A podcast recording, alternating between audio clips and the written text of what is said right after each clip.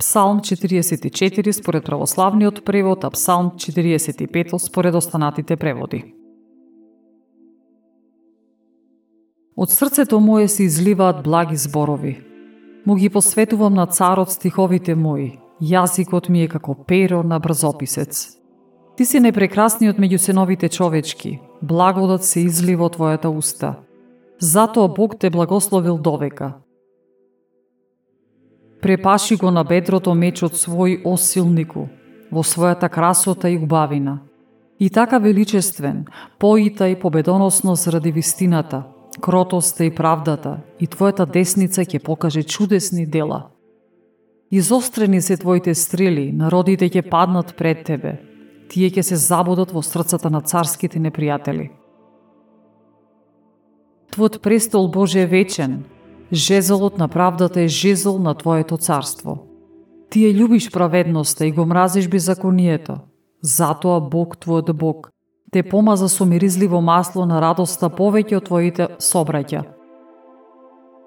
Сите Твои облики мирисаат на смирна, алој и касија. Кога излегуваш од дворците од слонова коска, харфите развеселуваат. Царски керки се во Твојата почесна придружба – Царицата стои покрај тебе одесно, украсена со офирско злато. Чуј, керко, види, приклони го увото свое. Заборави го твојот народ и домот на таткото свој. Зашто царот ја посака твојата убавина, зашто тој е твој господар и приклони му се тогаш и ти. И керката Тирска ќе му се поклони со подароци и најбогатите меѓу народот ќе ја бара твојата благонаклоност.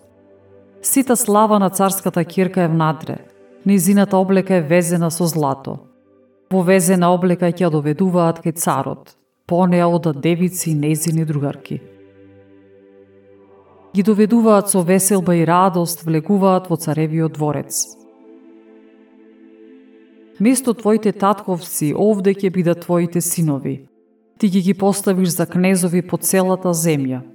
Ќе го спомнуваат името Твојот род во род, Затоа народите ќе те слават од век до век.